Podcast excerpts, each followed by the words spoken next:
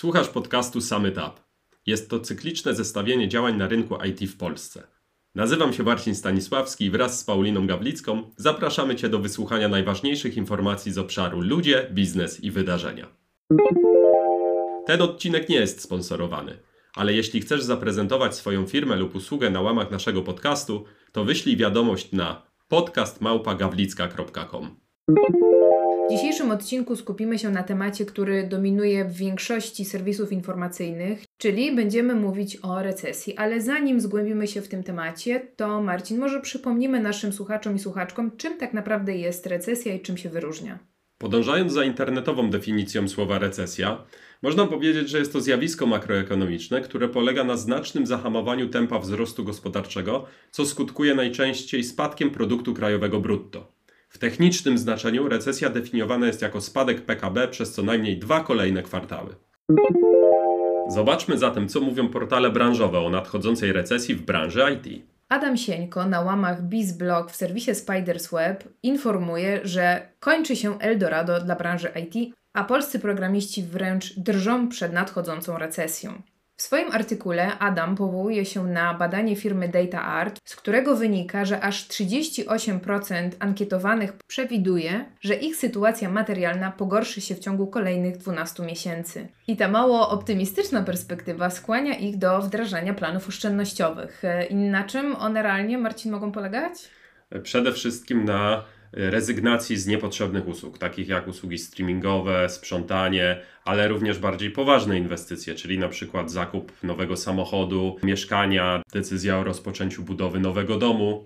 Z tego co mówisz, to i tak nie brzmi to najgorzej. Zapewne są branże, w których te oszczędności życiowe są trochę bardziej poważne i nie polegają na tym, że sami zaczniemy sprzątać, czy będziemy jeździć trochę starszymi samochodami, więc z mojej perspektywy to i tak nie wygląda aż tak źle.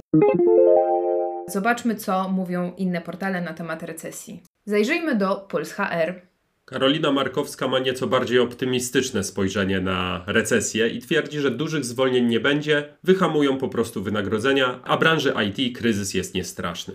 W swoim artykule Karolina wspomina też, że globalni giganci technologiczni tacy jak Netflix czy Spotify tną już zatrudnienia. Natomiast jak to się ma do rynku polskiego, Marcin? Według Polskiego Instytutu Ekonomicznego w Polsce w dalszym ciągu brakuje 150 tysięcy specjalistów z branży IT. Więc tak naprawdę te osoby, które stracą pracę, spokojnie będą mogły znaleźć szybko nowe zatrudnienie. Myślę, że tak, bo projektów jest naprawdę bardzo dużo i wiele organizacji w dalszym ciągu zatrudnia programistów, testerów, biznes analityków czy DevOpsów, których rola teraz szczególnie wzrosła w dobie kryzysu ekonomicznego. Faktycznie trochę gorsza sytuacja jest e, w branży HR-owej, rekrutacyjnej. Coraz więcej specjalistów e, publikuje posty na LinkedInie, że szuka nowej pracy e, ale też zauważyłam, że te osoby starają się przebranżowić. Jeżeli nie HR, to właśnie szkolą się jako testerzy, project managerowie lub scrum masterzy. Zmniejszenie dynamiki zatrudnienia może też po prostu wynikać z tego, że wiele organizacji chce przeczekać ten trudny okres i zobaczyć, co tak naprawdę przyniesie rok 2023. A teraz na chwilę zajrzymy do raportu, który opublikowała firma InHire e, na temat sytuacji w branży IT w trzecim kwartale 2022 roku. Raport ten dotyczy wyłącznie ogłoszeń szeroko rozumianego IT oraz analizy widełek płacowych.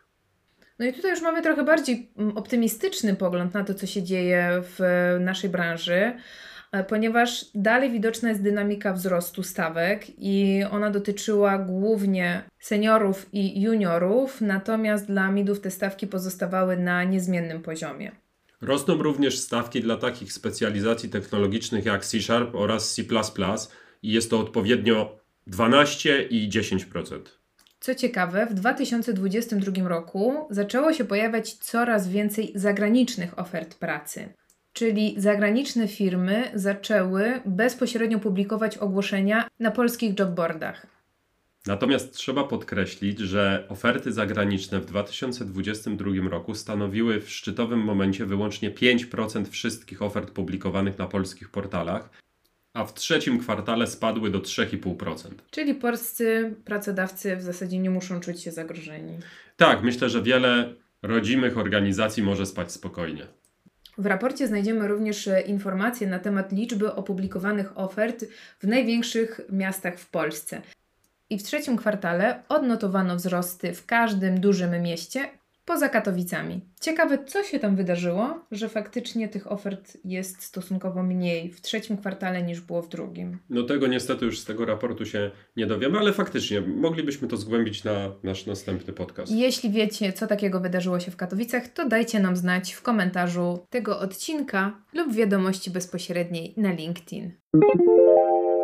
Zachęcamy Was do zapoznania się ze szczegółami całego raportu. Znajdziecie tutaj również wiele innych ciekawych informacji, takich jak chociażby najpopularniejsze języki programowania w trzecim kwartale 2022 roku, czy stawki w zależności od technologii oraz procentową zmianę tych stawek. Raport można darmowo pobrać ze strony firmy InHire. Wydarzenia warte Twojej uwagi.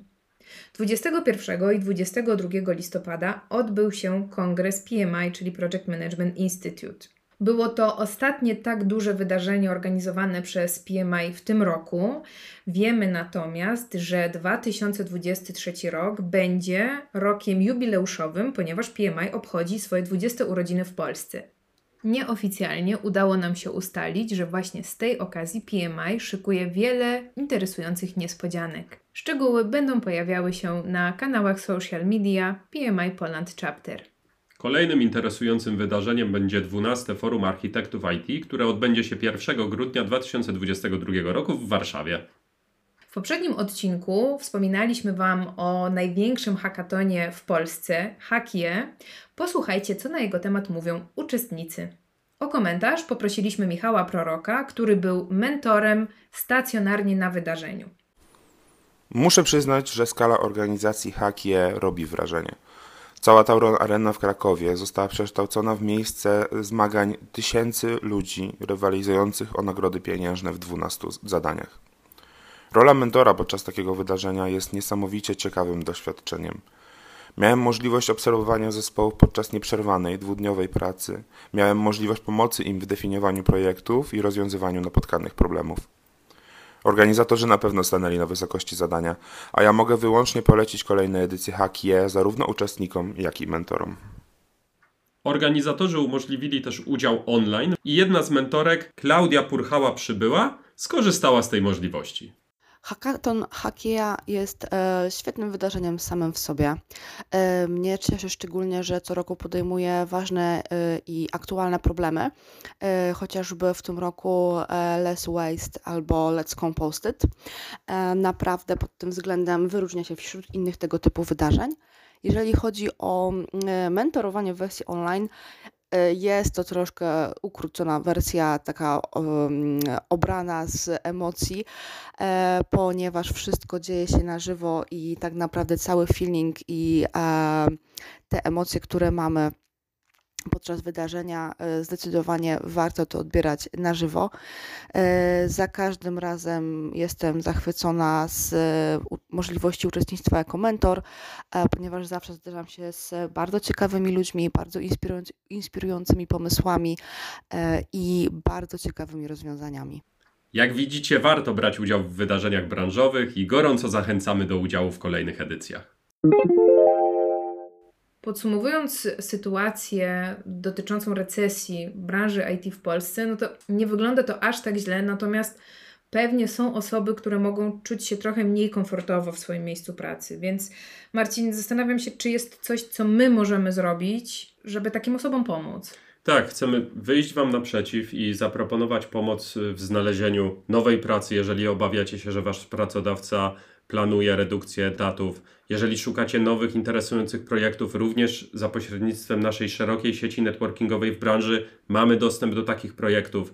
Jeżeli jesteś pracodawcą i szukasz fajnych osób, które mogłyby dołączyć do Twojej organizacji, to również daj znać i na pewno będziemy w stanie polecić Ci ciekawe osoby o świetnych kompetencjach. Dodatkowo ja ze swojej strony mogę zaoferować usługi konsultacji CV, wspieram specjalistów i specjalistki z branży IT w znalezieniu nowej pracy. Jest to coś, czym zajmuję się zawodowo. Więc jeżeli wysyłasz swoje aplikacje i masz większość informacji zwrotnych odmownych lub w ogóle ich nie otrzymujesz, bo takie sytuacje też mogą mieć miejsce, to koniecznie skontaktuj się ze mną, Paulina Gawlicka na LinkedInie lub wyślij wiadomość na paulinamałpagawlicka.com. To wszystko, co przygotowaliśmy dla Was w dzisiejszym odcinku. Mamy nadzieję, że pomimo mało optymistycznych tematów udało nam się pozostawić taką w miarę jasną perspektywę na nadchodzące miesiące. Do usłyszenia w kolejnym odcinku Summit Up. Paulina Gawlicka, Marcin Stanisławski.